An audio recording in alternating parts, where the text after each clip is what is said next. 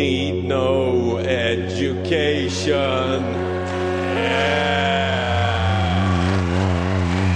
Välkomna till Flumskolan och höstterminstart för vår folkbildande litteraturcirkel från Galago och Aftonbladet Kultur. Live från Plattan-scenen här på Kulturhuset i Stockholm. Ett litterärt samtal där vi riktigt göttar ner oss i böckerna som kanske skapar fler frågor än faktiska svar. Sträng studierektor och samtalansledande examinator här på Flumskolan är som vanligt jag, Johannes Klenell. Inskrivna och redo för upprop i dagens avsnitt är inga mindre än Åsa Lindeborg, kulturchef på Aftonbladet.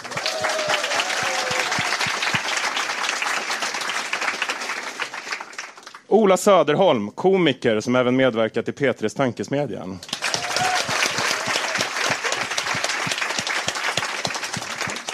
Samt Kava Solfagari, nätsatiriker med bakgrund i Facebook-sidan Vita kränkta män.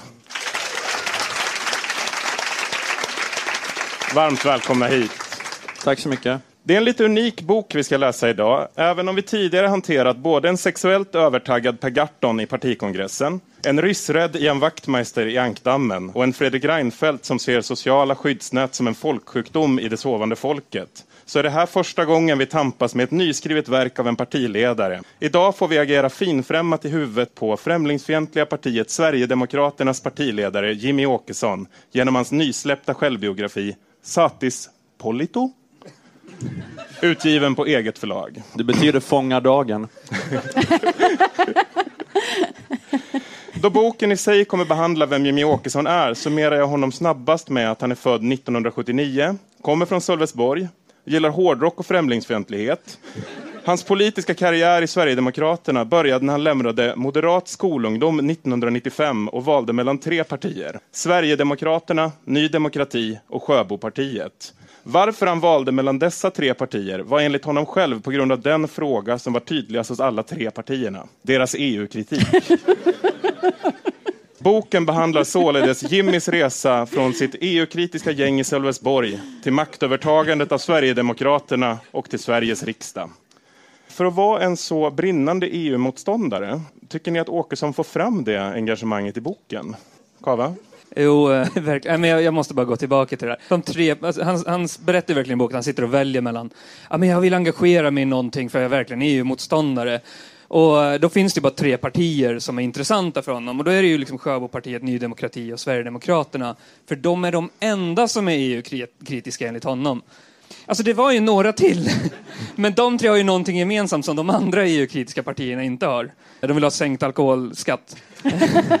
Jag gick själv med i Sverigedemokraterna i mitten av 90-talet för jag gillade deras eh, fiskepolitik. De hade väldigt bra idéer om hur stora torskfiskekvoterna i Östersjön skulle vara. Sen var det liksom jobbigt att det fanns rasism och så, men jag kände att det finns utvecklingspotential i det här partiet på grund av de här bra idéerna om torskfiskekvoter. Men sen gick jag ur Sverigedemokraterna och gick med i Ny Demokrati för jag gillade deras idéer om hur man ska upphandla snöröjningen. Nej, men jag minns hur det var liksom på 90-talet när jag växte upp i, i Eskilstuna. Liksom, och då kom det ju så folk med bomberjackor och stålhätta och bara fan, vet du vad de gör i Bryssel? Va?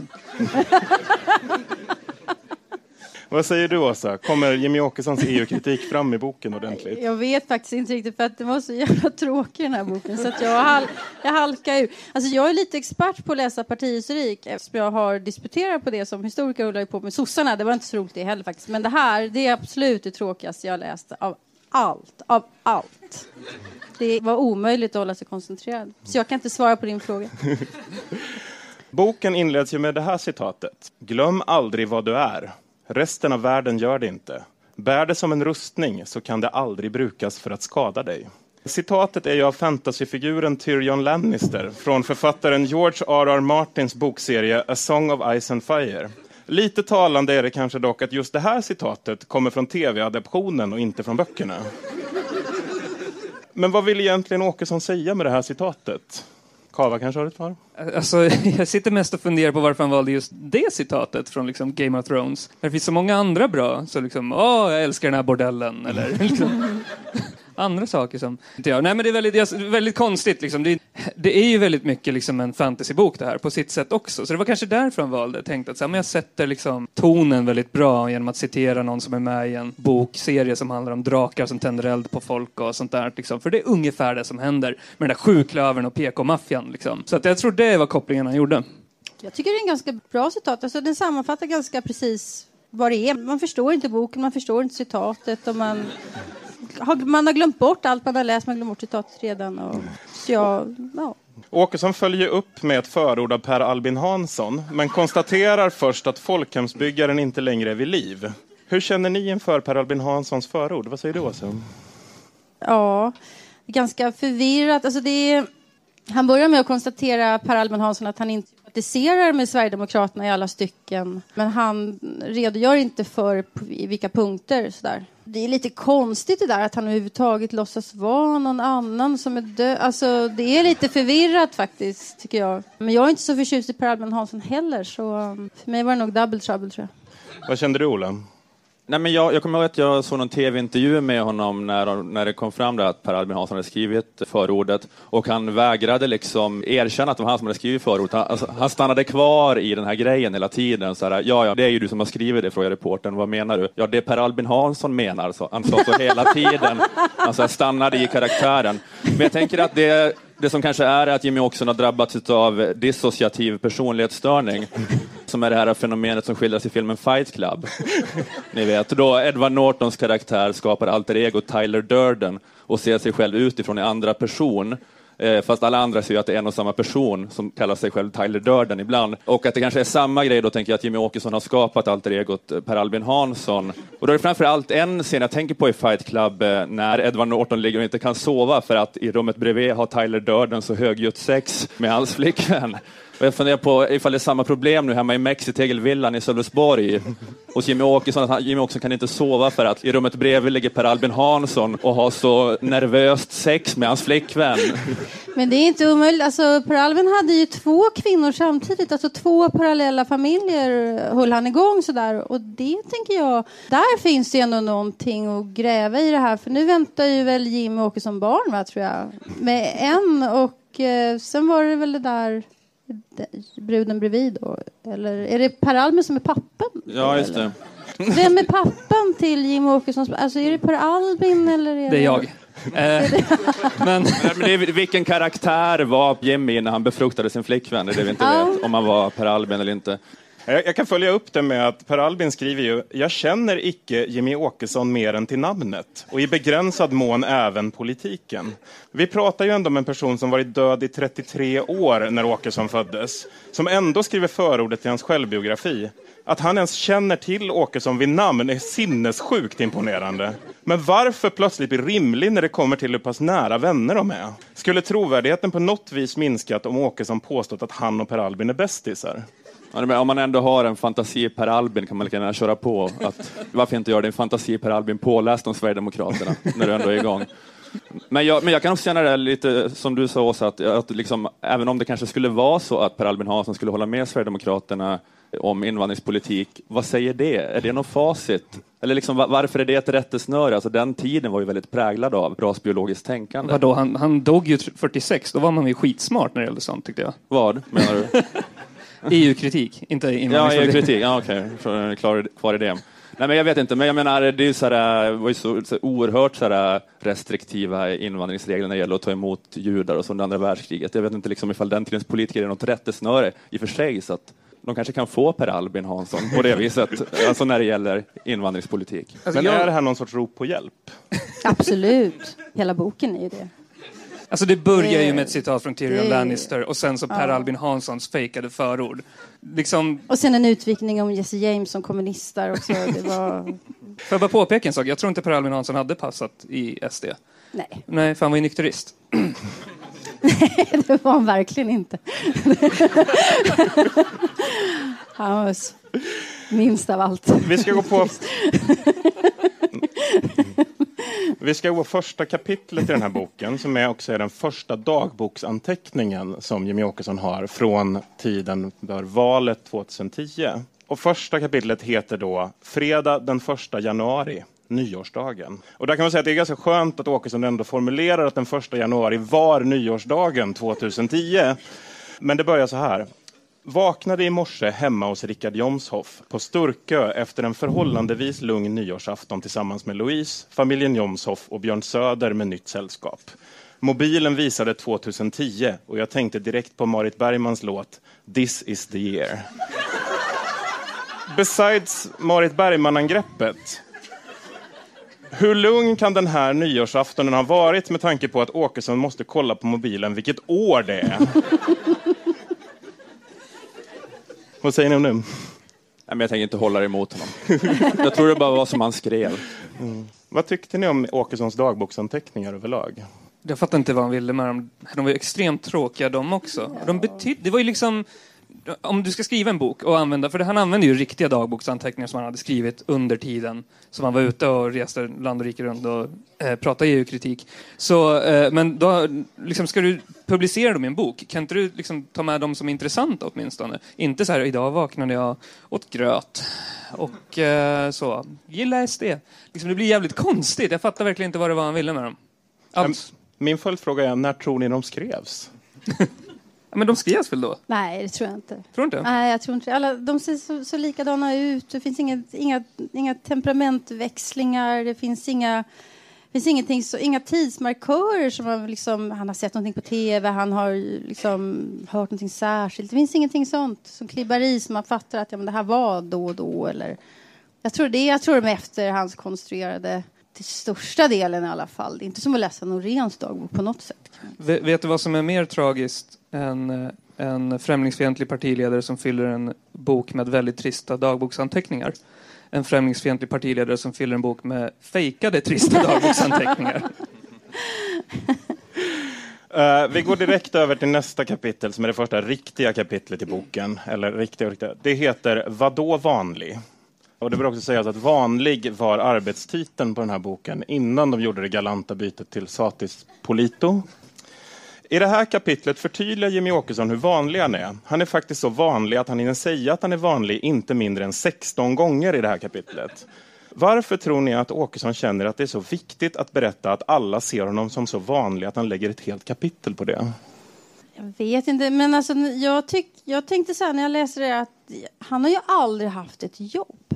Alltså hur vanligt är det?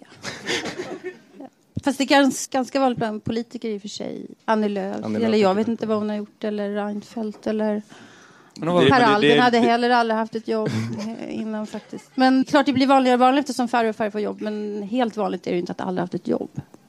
Eller? Det, nej. nej. Men det, det låter inte heller så bra det där och hela tiden vara tvungen att understryka hur vanlig man är. Det är lite sådär äh, sånt som mormoner gör. Alltså, när han skulle bli president, sådär, måste understryka hur extremt vanligt det här är. Det är ingen freak alls med det här. Det är vanligt, vanligt, vanligt. Så det är inte bra när man måste bevisa det hela tiden.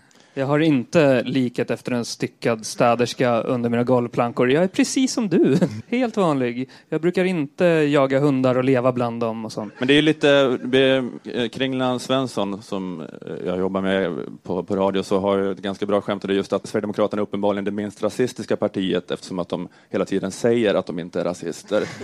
alltså, hur ska man veta vilka som är rasister? Då måste man ju gå på de som hela tiden går ut och säger vi är inte rasister och de som har förbjudit uniformer liksom, på mötena. Miljöpartiet har inte varit tydliga på det viset. Så, så sitter jag bara och snor kringlandskratt här, men i alla fall. Åkesson skriver ju här, jag är bara jag och har aldrig haft ambitionen att bli någon annan. Är inte detta en smula ironiskt att skriva om det för mindre än tio sidor sedan i boken låtsas vara Per Albin Hansson?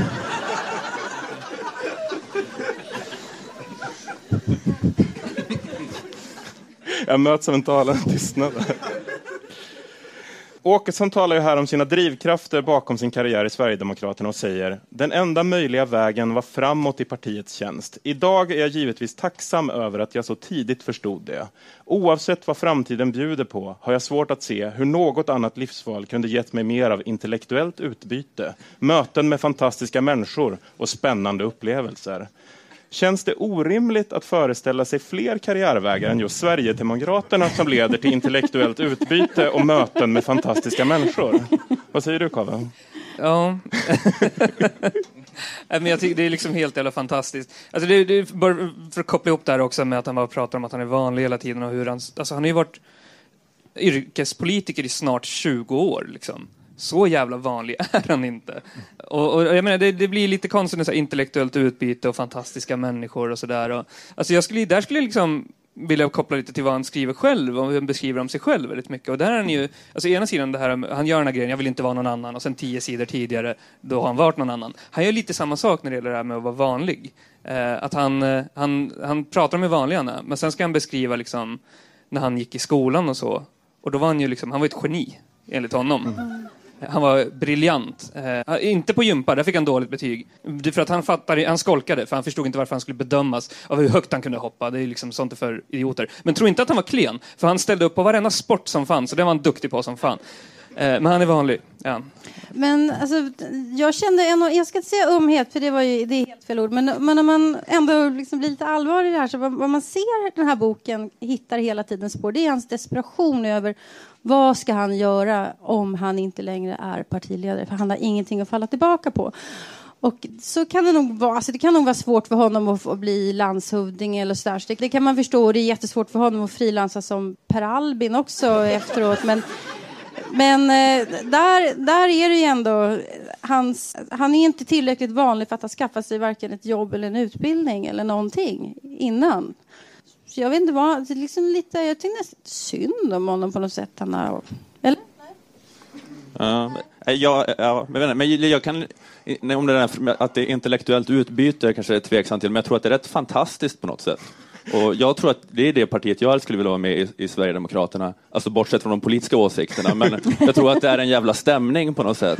Eh, för att jag tror att de, eh, men jag tror att de, att de har sån passion på något sätt. För att jag såg några dueller mellan Löfven och Reinfeldt häromdagen på Aktuellt när de står och skriker på varandra. Ska vi ha 50 jobbskatteavdrag eller ska vi ha 50 jobbskatteavdrag fast lite mindre för de som tjänar över 60 000? Man vill bara skjuta sig i ansiktet. Men, så jag tänker att är man så folkpartist eller sosse eller moderat, att det kan inte, man, jag tror inte det är så mycket passion, det är som att man ska bara vara någon förvaltare, men jag tror Sverigedemokraterna känner sig utvalda av Gud nästan. Alltså jag tror att de har en sån, sån messiansk nästan känsla av att det är upp till oss att rädda Sverige. Alltså vi, vi är några som har vaknat och ser vad som håller på att hända, resten lever i Matrix. Så jag, jag, tror att de internt ändå har en, eh, jag tror att det är en fantastisk stämning, jag tror honom där. Men jag skulle vilja bli lite allvarlig här, för jag har ju själv eh, varit med i ett parti fast från, från den helt andra sidan, alltså till vänster då. Och när jag läser Jimmie Åkessons bok så känner jag liksom lite grann en saknad av det där att dela ut flygblad, att organisera sig, att vara aktivist, att vara underdog, att, att verkligen, verkligen kämpa för någonting som man tror på. Och där man faktiskt håller ihop och att det är faktiskt eh, en otrolig grej att, eh, att vara organiserad i underläge. Och där någonstans känner jag väl, om man tar de här stora partierna som du nämnde, att hela tiden vara i borgerlig mainstream, det kan inte vara så jävla roligt. Då är det nog faktiskt roligare att vara sverigedemokrat eller, ja, de... eller bolsjevik som, som jag har varit och fortfarande är, även om jag inte är organiserad. Det är roligare faktiskt.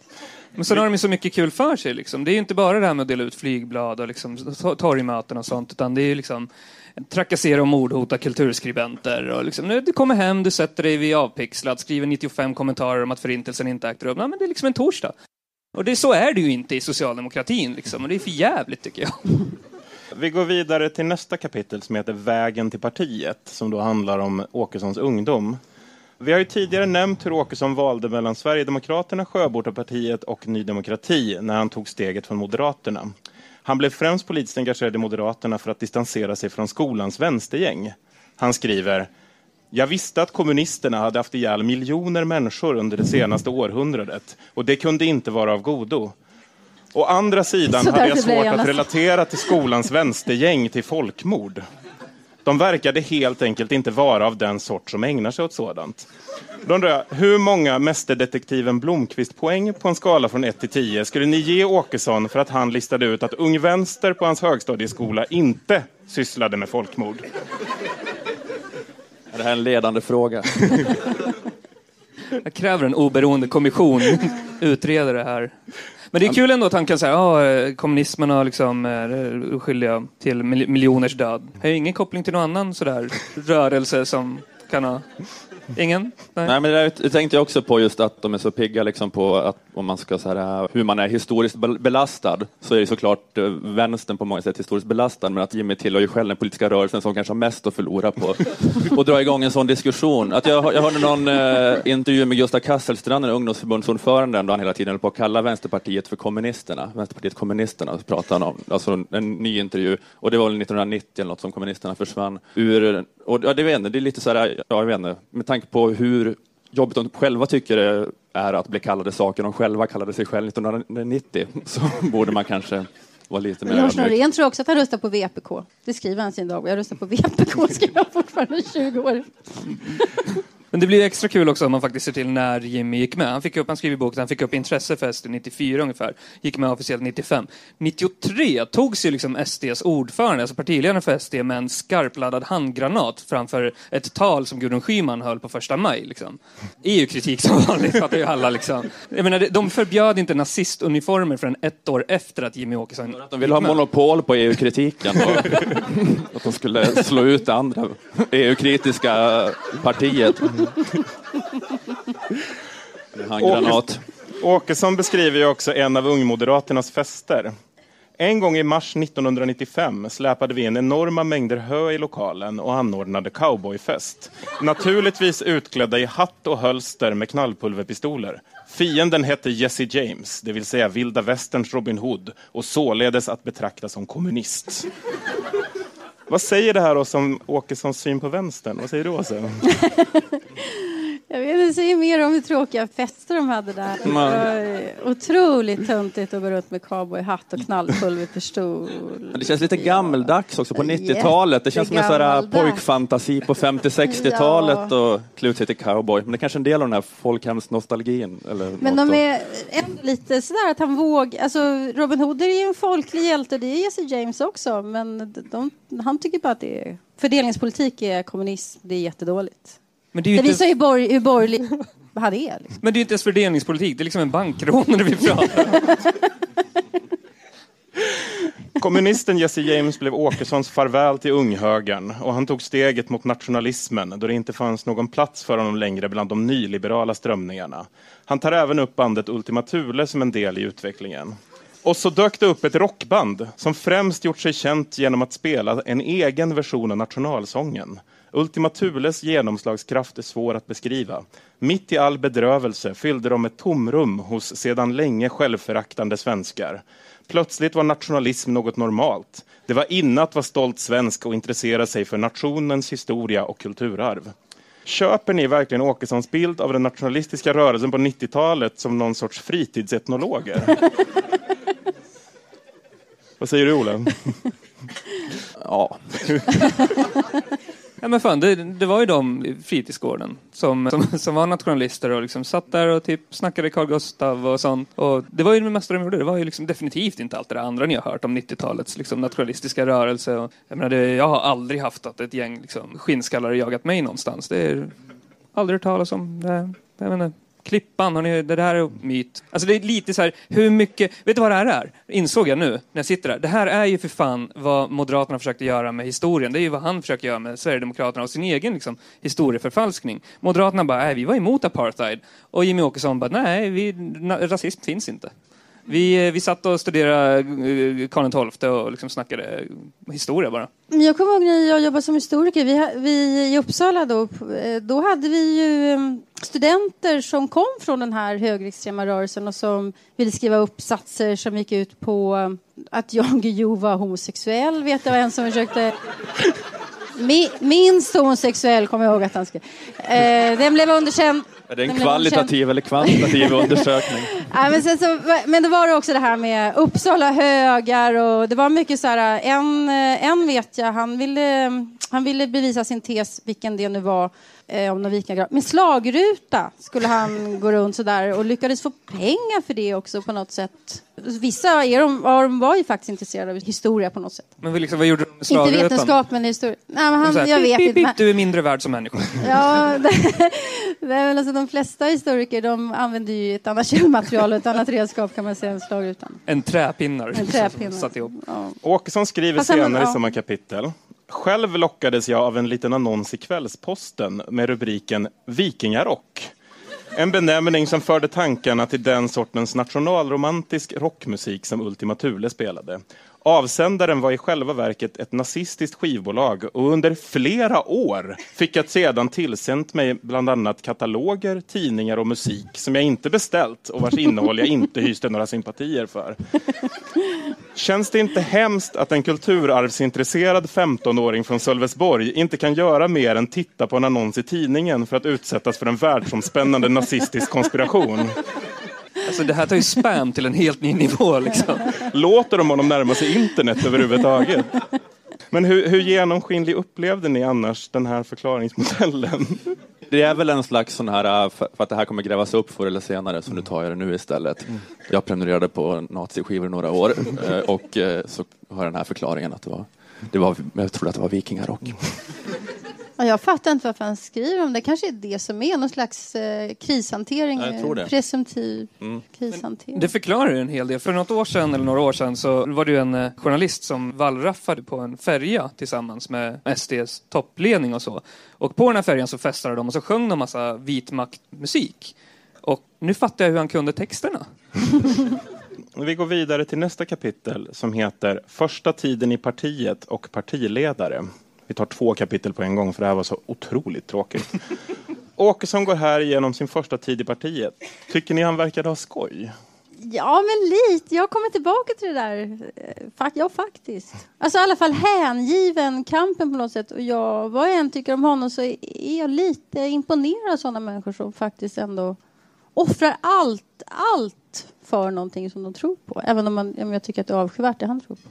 Så faktiskt, jo. Jag, jag skulle önska att det fanns fler sådana människor. Inte som han och det partiet, men fler sådana faktiskt. Som vågar liksom organisera sig för det de tror. Vad säger ni? Nej, jag, jag håller med. Efter jag märker den talande tystnaden här så tänker jag följa upp med en fråga som är Kände ni som jag, med tanke på att Åkesson ungefär här börjar bli så förnumstig att han snarast framstår som en högerextrem Gustav Fridolin, att det här partiet av boken gränsade till oändligt tråkigt? Det där är ju den mest klockrena beskrivningen av honom någonsin. Liksom, för det är ju verkligen så här högerextrem Gustaf Fridolin. Det är ju en kille som på fullaste allvar antagligen anser att han aldrig någonsin har gjort någonting fel. Fel. Nej. Verkligen. Och det är liksom genomgående genom boken. Är så här, ja, den här grejen i vår historia, den var dålig. Det var inte jag. Det var någon annan. Den här grejen i, i vår historia, det var inte jag, det var någon annan. Liksom det, är, det, är, det är sossarna, det är kommunisterna. Det, vid ett tillfälle kallar han liberaler för högerextrema. Ja, det gör han. Ja. Det är lite spännande. Jag undrar hur hans skala ser ut. Liksom. Det är som en sån där trappa som börjar i sig själv igen. Liksom. Ja. Men det är, Enda gången jag antecknar hela den där boken. Men de är Jag- ju, han har ju rätt någonstans. faktiskt.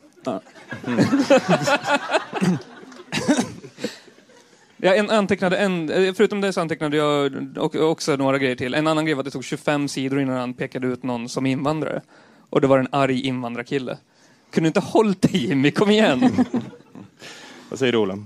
Ja, men jag tänkte på det, men eh, med det här när han går med där i början och i tonåren där, att han, den börjar väldigt mycket den här kränktheten då och eh, att han känner sig förföljd, att de inte får sprida, på, på, när det är skolval så får inte de hålla på med sin information hur som helst för att lärarna är på dem och sådär, att det liksom är någon slags förtryck. De behandlas inte som ett demokratiskt parti bland andra, vilket naturligtvis de ska göra. Men det är ju just att det, det är ju något med partiet på den tiden att det var ju så eh, öppet rasistiskt på något sätt. Det, stod ju då, det var ju inte bara de här enskilda händelserna med handgranat och någon i naziuniform. Alltså, alltså, Okej, det kanske de skulle kunna säga så här att ja, men det är vissa rötägg, men så står det i partiprogrammet att alla som kom till Sverige sedan 1970 ska utvisas trots att de är svenska medborgare. Så det är liksom verkligen så här apartheidgrej rakt av. Man får inte adoptera barn som kommer från utanför Europa. Alltså då är det ju bara hudfärg. Då kan man inte ens gömma sig bakom så här kulturchauvinism, att vi ogillar kulturer. Då är det ju bara, vi har problem med hudfärg. Så det är lite så här svårt tycker jag att han är så arg över att de behandlas som ett antidemokratiskt parti bara för att de är ett antidemokratiskt parti eh, hela tiden. Där. Det är, alltså, hans lärare så där, som liksom var emot dem, de kunde inte veta om att Jimmy Åkesson skulle förändra det här partiet i framtiden. De kunde inte se in i framtiden och förstå att det skulle förändras från ett liksom, öppet rasistiskt parti till ett mer passivt aggressivt rasistiskt parti. Det kunde inte de veta. Så det är inte så konstigt att de tog dem för vad de är på något sätt. Jag tänker faktiskt lämna de här två kapitlen nu för att jag tror aldrig en partiledare har lyckats göra högerextremismen så osexig som just under den här resan. Utan vi går vidare till kapitlet En första prövning. I det här kapitlet förklarar Jimmy Åkesson att han visst har karisma. Han är bara väldigt svenskt lagom. Att han inte kan nå ut med detta är medias fel.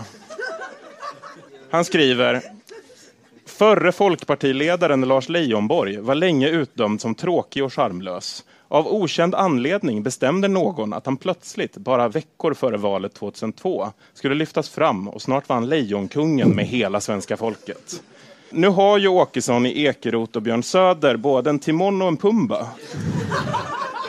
Men tror ni att all media i världen räcker till för att få Åkesson att framstå som just karismatisk? Men du, är inte de där lite mer som de där hånskrattande henorna istället? Och så kan Jimmy få vara Scar liksom. Vad säger du Åsa? Du representerar ändå media här. Ja, jag funderar, jag, jag funderar mest på det här att han tycker att Leijonborg var karismatisk. Jag tycker det är det som var konstigt. Och jag menar, han blev ju lejonkung för att han började ta den politiken innan Sverigedemokraterna gjorde det med språktest. Och det var ju rassepolitiken helt enkelt som gjorde att han växte, tyvärr. Men karismatisk? Någon av dem? Nej, jag tror inte det. Men om jag skulle nog ändå säga, om jag får vara lite, fortsätta vara lite allvarlig så jag tycker att han är en skicklig politiker. Eller jag tyckte det till jag läste den här boken skulle jag säga då. För att han, eh, man får alltid intrycket när man lyssnar på Jim Åkesson att han faktiskt alltid försöker svara på alla frågor. Han försöker inte slingra sig så där mycket som andra politiker faktiskt gör. Han gjorde det under den här järnrörsskandalen, men annars så försöker han faktiskt alltid svara på alla sakfrågor. Och det tycker jag är eh, skickligt och det får man nog ge honom lite respekt för. Men eh, den här boken, den är ju så... Den ställer ju bara frågor som du säger. Man får inga svar på någonting egentligen. Men karismatisk har han ju aldrig varit, nej. Mm. Vad säger du Ola? Jag vet, eller karismatisk är väl kanske fel ord, men han är väl ganska rätt i en svensk politisk kontext ändå, för att han är lugn. Ja, det är ju det. enda grejen. Det är ju det, det är alltid så man avgör som har vunnit debatten, den mm. som var lugnast. Mm. Den som inte blev så uppläxande på något sätt. Det är alltid den som retorikexperterna säger, nu blev den för kaxig. Nu tappade den det. Så att han, är ju, han är ju lugn. Det är ju det enda, det enda som krävs. Vi går vidare till nästa kapitel. Omtag inför 2010. Sverigedemokraterna får nu vara med i media. Och Åkesson gör, enligt Åkesson, allt rätt i alla debatter. Får citera Rocky Balboa offentligt och träffa Jan Guillou. Får ni liksom jag känslan av att det här mötet med Jan Guillou kanske är det största som har hänt Jimmy? Ja, störst är den där sälpälsen han beskriver som Jan Guillou har på sig. Den är ju gigantisk. Alltså han den väger ju 30-40 kilo den där sälpälsen som han har på sig. Det är ju stort. Ja, han är väldigt upptagen av att träffa Jan Guillou. Han är väldigt, väldigt imponerad av sig själv för att han har gjort det. Mm. Det, är också, det är något med också att han inte har någon riktig... Det finns ju ingen poäng med att berätta den historien. Utan det är, jag träffade Jan Guillou, jag trodde jag skulle bli orättvist behandlad, men det var en ganska rättvis text. Och sen så är det slut, alltså det, det, det är ju mest bara en väldigt lång beskrivning som går ut på att ge den informationen. Men det, det finns en poäng som jag, jag, kan se, och det poängen är att han vill vara kompis med Jan, tror jag. Jag tror att det är lite mm. så här, ja men kolla, Jan tyckte inte jag var liksom en barnamördande nazist. Eh, vi kanske inte är så liksom, olika jag och han ändå. Eh, så det, jag får verkligen känslan, och det, det, är också någonting som kommer igen flera stycken i boken, att han vill han vill nog vara kompis med folk eh, hela tiden. Han är bara lite sur för att det är massa andra som är fel nära honom. Inte han, han gör aldrig fel. Men det är massa andra som är fel. Och särskilt liksom när han börjar recensera saker om sig själv. Då får jag verkligen den känslan. När han så letar upp, i boken letar han upp liksom Ja men i den här tidningen då skrev de så här om mig och det stämmer ju inte för jag är ju inte alls den typen av människa. Så börjar han recensera. Man bryr sig inte. Vem fan bryr sig liksom? Det är det tråkigaste jag läst. Det finns jag vet inte om du kommer till det här sen, men när han är med i Chef, i tidningen Chef. Nej, oh, herregud, det här är liksom sinnessjukt. Alltså. Tidningen Chef gör en så här, vilken partiledare är typ den bästa chefen? Och sen så pratar de med liksom folk som jobbar åt SD. Och så gör de ett omdöme som är rätt så bra, liksom, ett hyfsat bra omdöme. Jag skulle vilja ha det omdömet. Men de säger att han delegerar mycket. Och då liksom plockar han ut det här, hela, liksom, typ hela jävla artikeln och går igenom så här, bara, titta här har de fel i sin analys av mig. Men det är just det här med delegationen kommer han till och där fastnar han. För han bara, ah, nej, här säger de att eh, jag, jag, är ingen bra chef eh, för att jag delegerar mycket. Och det stämmer, jag är ingen chef, jag är en ledare. ja, liksom, det är okej okay, det är okej. Okay. Du behöver inte vinna alla. Åkesson berättar om sin besvikelse när Piratpartiet snuvade dem på, ironiskt nog, Europaparlamentsvalet. Han skriver jag minns hur förbannad jag blev när jag på valdagen såg ett nyhetsinslag på tv från en vallokal i Skåne. En man fick frågan vilket, han, vilket parti han skulle rösta på och svarade något i stil med parti, Piratpartiet som en rolig grej. Här hade man slitit och släpat i månader och så får man en sån här käftsmäll. Alltihop var bara en rolig grej. Får ni liksom jag vibben av att det typ är så här Lundin Oil låter om de skulle skälla ut clowner utan gränser för att inte vara seriösa nog i sin kamp för mänskliga rättigheter?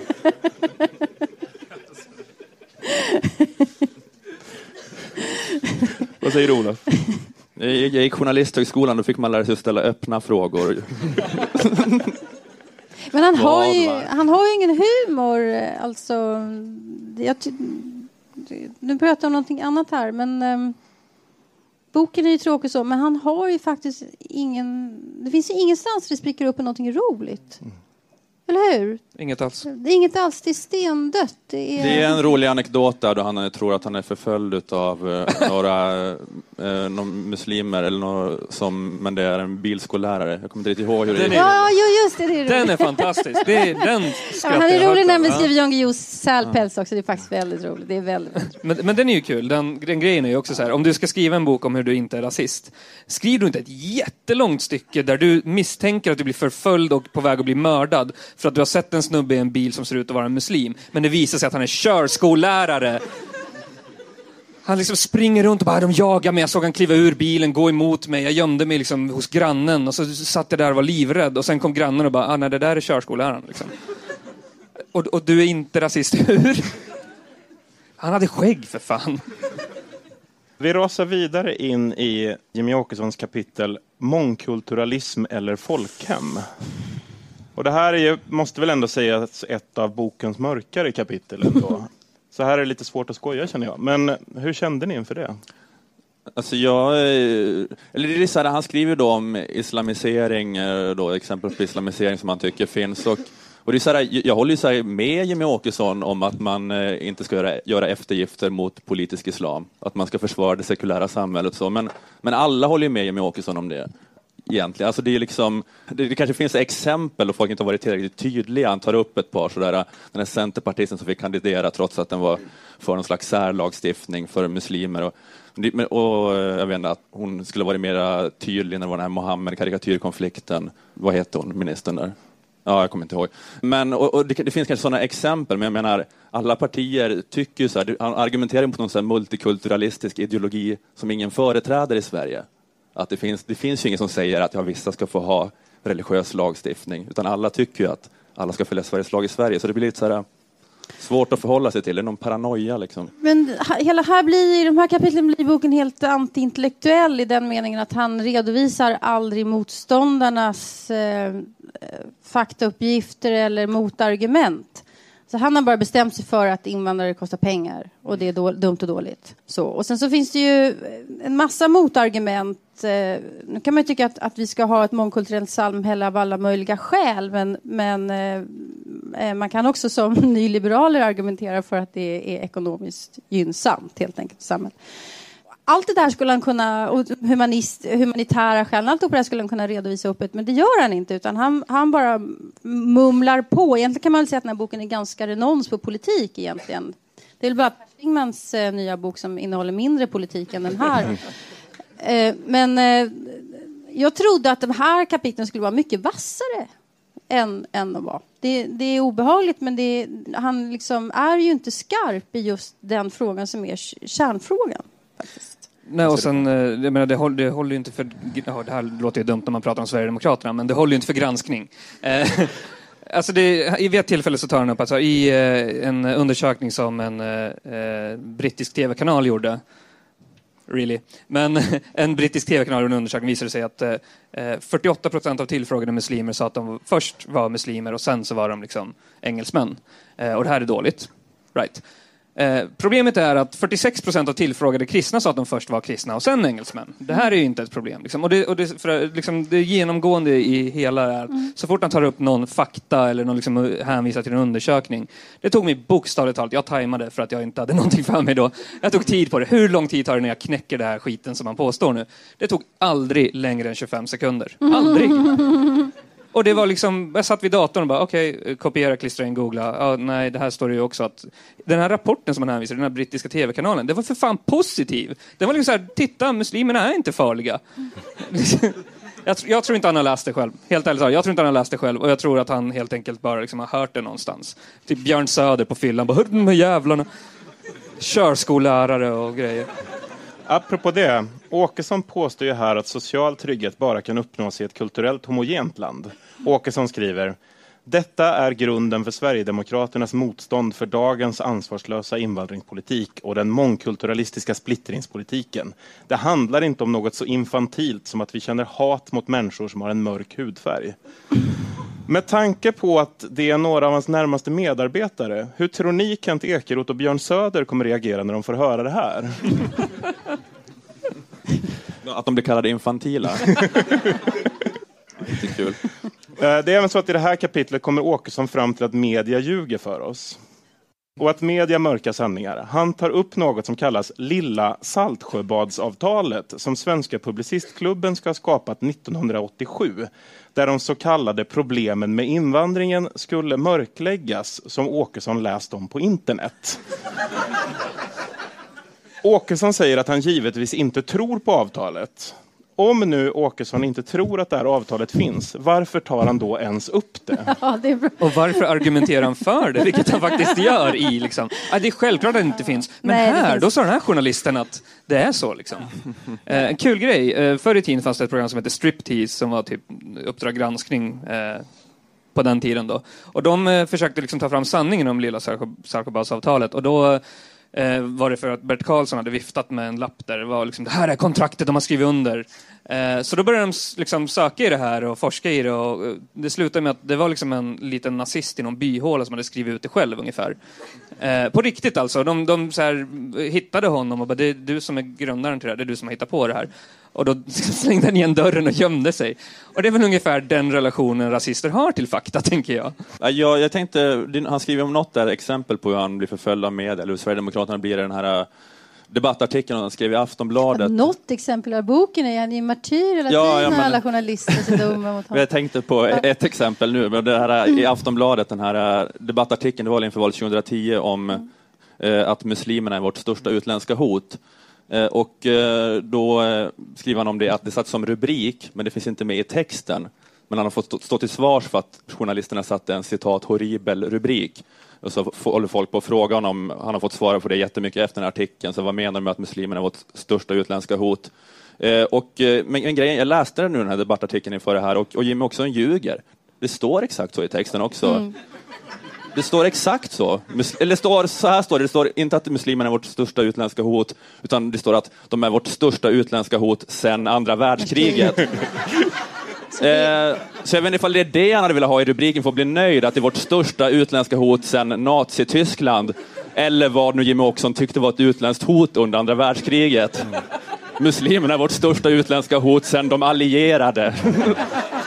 Inte sedan landstigningen på Normandie har vi haft ett sånt utländskt hot. Vi går vidare till kapitlet Är det så farligt med kebab?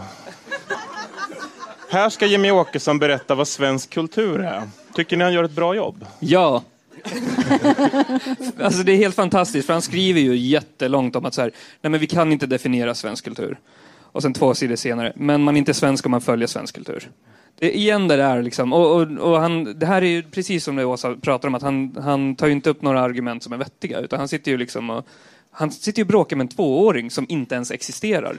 Men här, jag, kom, jag tänkte på det när jag läste det där. Han, han är irriterad över att folk har hånat honom för att han har sagt att svenskar har bonader på väggen. Men de invandrare jag känner, de har bonader på väggen faktiskt. Gubbelänger hela vägen. Ja, jag blev lite ledsen av det här med eh, Karl XII som han skriver om där. Han skriver om maträtt som kommer till Sverige, att kåldolmar ska ha tagits in av den vedervärdiga krigarkungen Karl XII. Då känner jag mig lite så här ledsen, så här att Oj, oj, oj, vad vi eh, PK-media har hetsat fram det här. Att, vad vi har kastrerat våra nationalister. Att, att han känner att han måste skriva så. Jag skulle vilja säga att det är lugnt Jimmy, du behöver inte säga så. Du får ha dina liksom, pojkrums Men- romantiska fantasier om slaget vid Narva i fred. Du, du behöver inte ta avstånd från Karl XII. Jag kommer inte hålla det emot dig. Men är han inte ironisk 300 år där? Va? Är han inte ironisk där? Du menar att han Att skojar? det är ett citatteck? Ja, Alltså, det, du menar att han tycker att den fantastiska krigarkungen, Karl XII, ja, att det var jag det han tror- menade? Ja, jag tror han är... Ja, han har ju varit och firat Karl XII också någon gång. Ja, Ja, han det, står, ju- det står tidigare i boken att han ju firar det. Karl XIIs... eh, Ja, han tycker Men- det är tråkigt att man inte längre gör det. Ja, han han är att- förvirrad, hela boken är ju liksom Men det är en, en fight... dålig faktiskt. Dålig bok var det. Ja, verkligen. en fight, alltså en, en fight han tar som, som jag, jag bara kände, nej men fan Jimmy, du måste kunna välja dina strider. Det, alla här känner säkert till när liksom, en av SD-representanterna, topp, jag tror det var Björn Söder, sa att Zlatan inte var svensk. För att han liksom inte betedde sig som Nej, det var eller? Mattias Karlsson tror jag. Ja, Ja, Kultur, eller heter han så? Ja, Kulturpolitiska talespersonen. Eh, och då tänker man så här... då tänker man ju så här, Zlatan är ju en av de mest hyllade svenskarna genom tiderna och eh, alla älskar ju honom mer men jag hatar sportboll och till och med jag bara oh shit Zlatan, ligg med mig. Eh, om du hör det här Zlatan. Eh, men han insisterar ändå på att liksom slåss för att kalla honom för något annat än svensk. Han liksom håller, har ett stycke där han bara, "Nej, men eh, det är ju sant, alltså, han, han har ju lite så här yviga gester och sånt. Och, det, det är liksom, eh, det, det är så här David mot Goliat ifall det hade slutat som det borde gjort egentligen.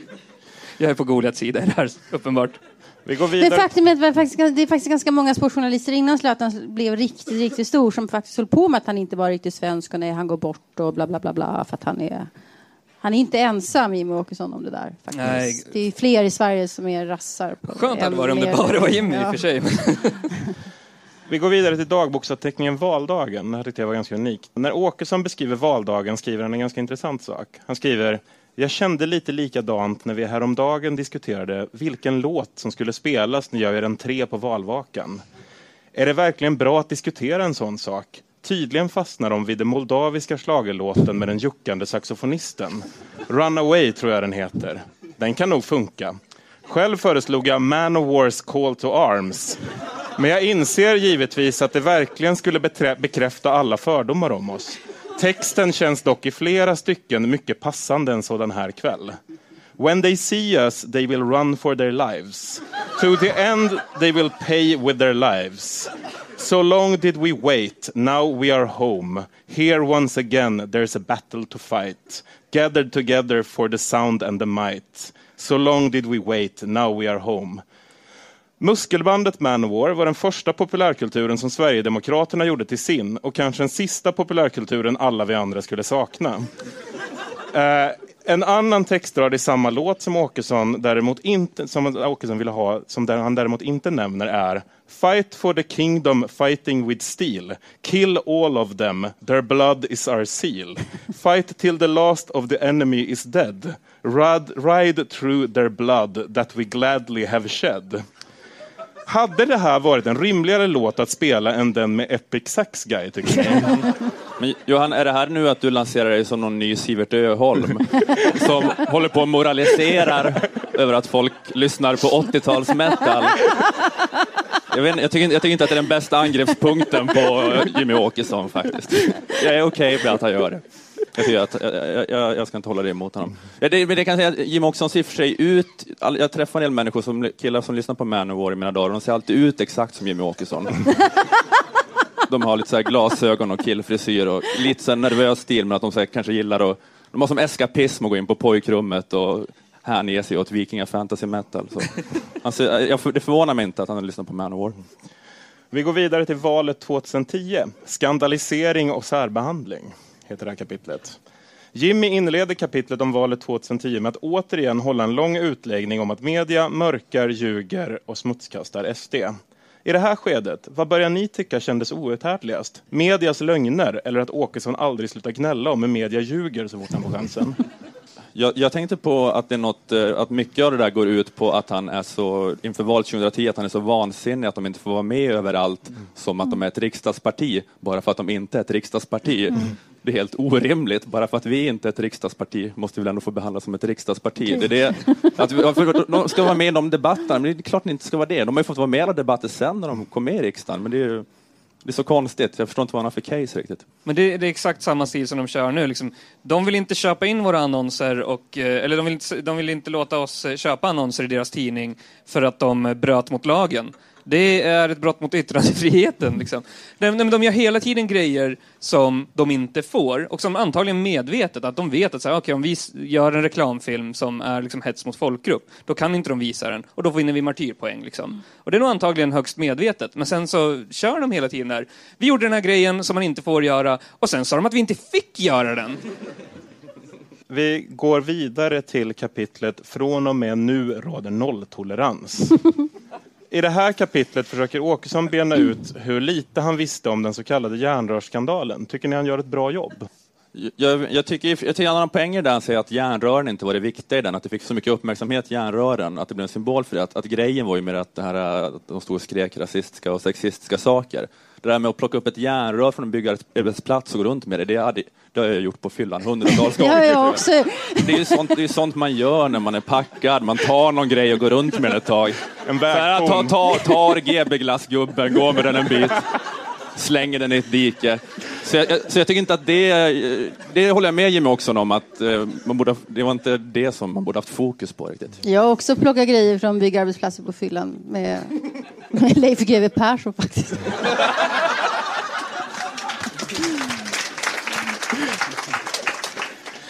Åkesson säger här att han under hela sitt engagemang slagits mot en vrångbild av partiet. Är det inte lite märkligt att ett parti måste utesluta medlem på medlem på grund av exakt samma vrångbild? Jag, tänkte faktiskt på det där idag, för att idag så uteslöt de massa medlemmar. Eh, bland annat någon som typ hade så här, tyckte att det var lite jobb. Det var en, en företrädare för Sverige, eh, Sverigedemokraterna som hade tyckt att det är jobbigt att vi lägger så mycket pengar på att forska om förintelsen.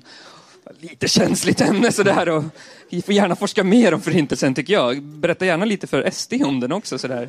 Kan behövas. Men eh, eh, en av dem som hade fått kicken från SD, eh, Oleg Datsishin heter han, han eh, sa att eh, ja, det är för jävligt det här, det är liksom rättsvidrigt att det sitter massa eh, satispolerade där uppe och ska bestämma vilka som var med eller inte. Jag bara, ja, det är fan, du har nog satt en bra prägel på det här partiet Jimmy.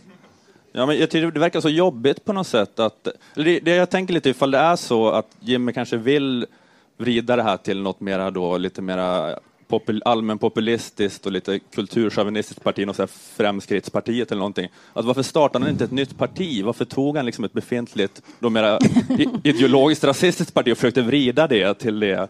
Det verkar så jobbigt. Han är Det någon var slags- enklare att starta ett nytt parti. Han är någon slags högertrotte som liksom ska gå in i de här partierna och söndra dem inifrån egentligen. Det kommer bara sluta med att han egentligen är Per Albin Hansson.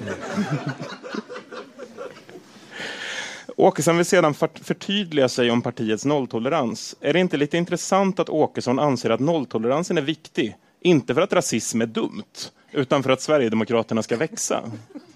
Vad säger du, Colin? Alltså det är ju... Gud, jag, nu kommer jag inte kunna hålla mig från att bli allvarlig. Eh, nej, men det är ju förbannat eh, löjligt. Men det är, det är ett trick som funkar. Det är liksom ett PR-trick. Alltså, vi låtsas att vi har en nolltolerans. Eh, och sen så liksom kickar vi ut några av de här som vi inte ens vill ha i partiet. Liksom, det handlar om ett maktspel.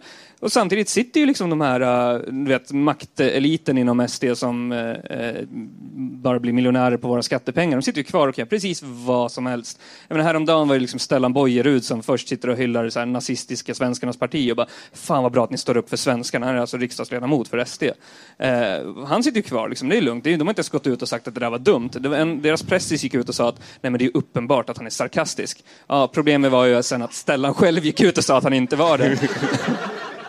Sådär, liksom. Men det är så, nolltoleransen är ju typ bara liksom ett maktverktyg för dem att få kicka folk de inte tycker om eller som hotar deras egen makt eller inkomst. För det är som Åsa säger, vad fan ska Jimmy Åkesson jobba med sen?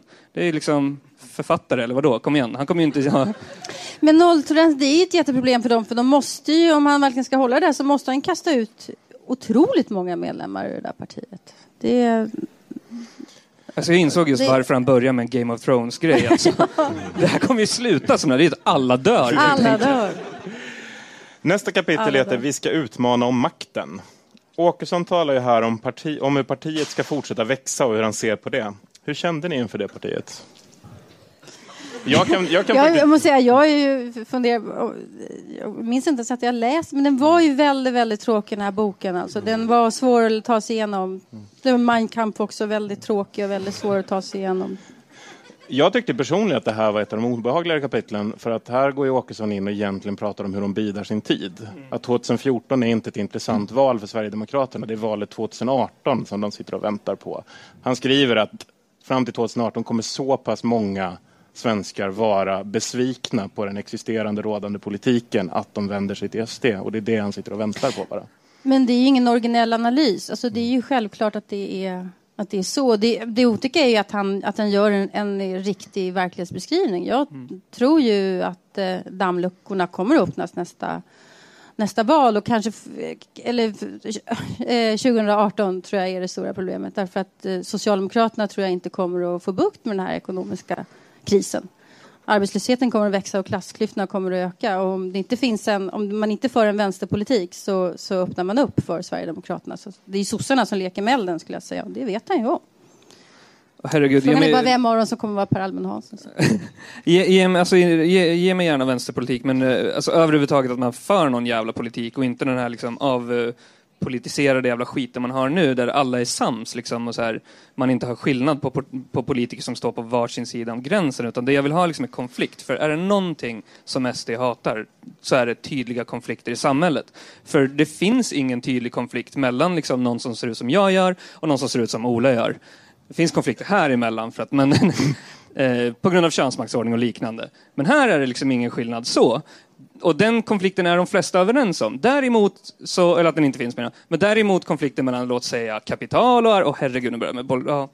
Eh, Fortsätt med det där, fortsätt. Men det är det som Lite är- det funkar så. Alltså Konflikten börjar vi- står mellan arbete och kapital. Precis. Så är det. Och Mm. blir den tydligare, desto sämre går det för rasisterna. Ja. Och det här är liksom beprövat. Det är pre- precis lika beprövat som den metoden som SD själva använder för att bli rumsrena och få mer röster. Lika beprövade är metoderna för att få dem att försvinna. Det är att man helt enkelt börjar föra mer radikal politik som tydligare visar på konflikter. Ja, men det kommer ju inte sossarna att göra. Det är det som är bekymret. Och vi, vi var inne på det tidigare. 50 jobbskatteavdrag eller 50 jobbskatteavdrag med förnuft. Alltså det är... Det, där, Avtrappning det- över 60 000. Ja, precis. det är därför jag är- sätter det- allt mitt hopp till Folkpartiet. Ja, nej, men det är... Det är, vi, vi, nej. Känns det, det inte är bara lite, vänstern som kan stoppa dem, tror jag, helt enkelt. känns det inte dock lite talande att här i slutet nämner Åkesson för första gången på en sida sin hjärtefråga EU-kritiken? Eh, vi ska avrunda här. Jag tänkte fråga, vad har ni lärt er av att läsa boken? Åsa? Ja, det är, jag grubblar mycket på vem som är pappan till hans barn, faktiskt. Om det är han eller Per Albin. Jag kan inte sluta grubbla på det där. Det är det jag funderar på. Vad säger du, Karin? Ehm, jag tänker så här, att jag skulle kunna ha skrivit den här boken för tio år sedan. Det, han har den mentaliteten som jag hade när jag var 18, att jag var, trodde jag var bäst på allt. Jag trodde jag visste allt. Jag trodde jag hade lösningen på varenda problem som finns. Att det var också ungefär likadant. Jag hade liksom en grej jag brydde mig om då. Och sen gick jag ut gymnasiet. Så att, ja, det är ungefär det jag har lärt mig. Att han, han har aldrig kommit ur det stadiet. Jag, tror, jag tror också lite just det där att han aldrig kom ur gymnasiet är lite, är lite nyckeln på något sätt för att just det att han går med så tidigt eh, när han är 15 eller någonting. Och han beskriver det hur han börjar skolka under gymnasietiden för att det är så jobbigt att vara i skolan för att han liksom brännmärkt som Sverigedemokraten. Han, kan, han, kom, han kommer inte överens med sina klasskamrater på grund av det. Så från att han är 15 så är hans kompisar bara Sverigedemokrater. Och så har det varit sedan dess. Så han har fått så oerhört lite input och han kan ju som aldrig haft ett samtal med någon som har vänsteråsikter eller liberala åsikter eller någon med invandrarbakgrund utan att det liksom samtidigt har varit infekterat innan det ens har börjat. Så har hela hans liv varit och det, det gjorde att jag fick lite förståelse på något vis för ja, att man blir som man blir. att det är så lite input från något annat än Björn Söder. Och, ja. Det är väldigt lärt- sorgligt alltihopa på något sätt. Det är väldigt Ja, det är en sorglig bok, tycker jag. Mm. Eh, Jag har lärt mig att Jesse James var kommunist. Att det inte finns något så osexigt som ett sverigedemokratiskt maktspel. Och att Ung Vänster i Sölvesborg förmodligen inte ägnar sig åt folkmord åren 1994 till 1996. Eh, Med de orden tackar vi för ikväll. Tack till Åsa Linderborg, tack till Kava Solfagari, tack till Ola Söderholm. Och ett stort tack till er i publiken.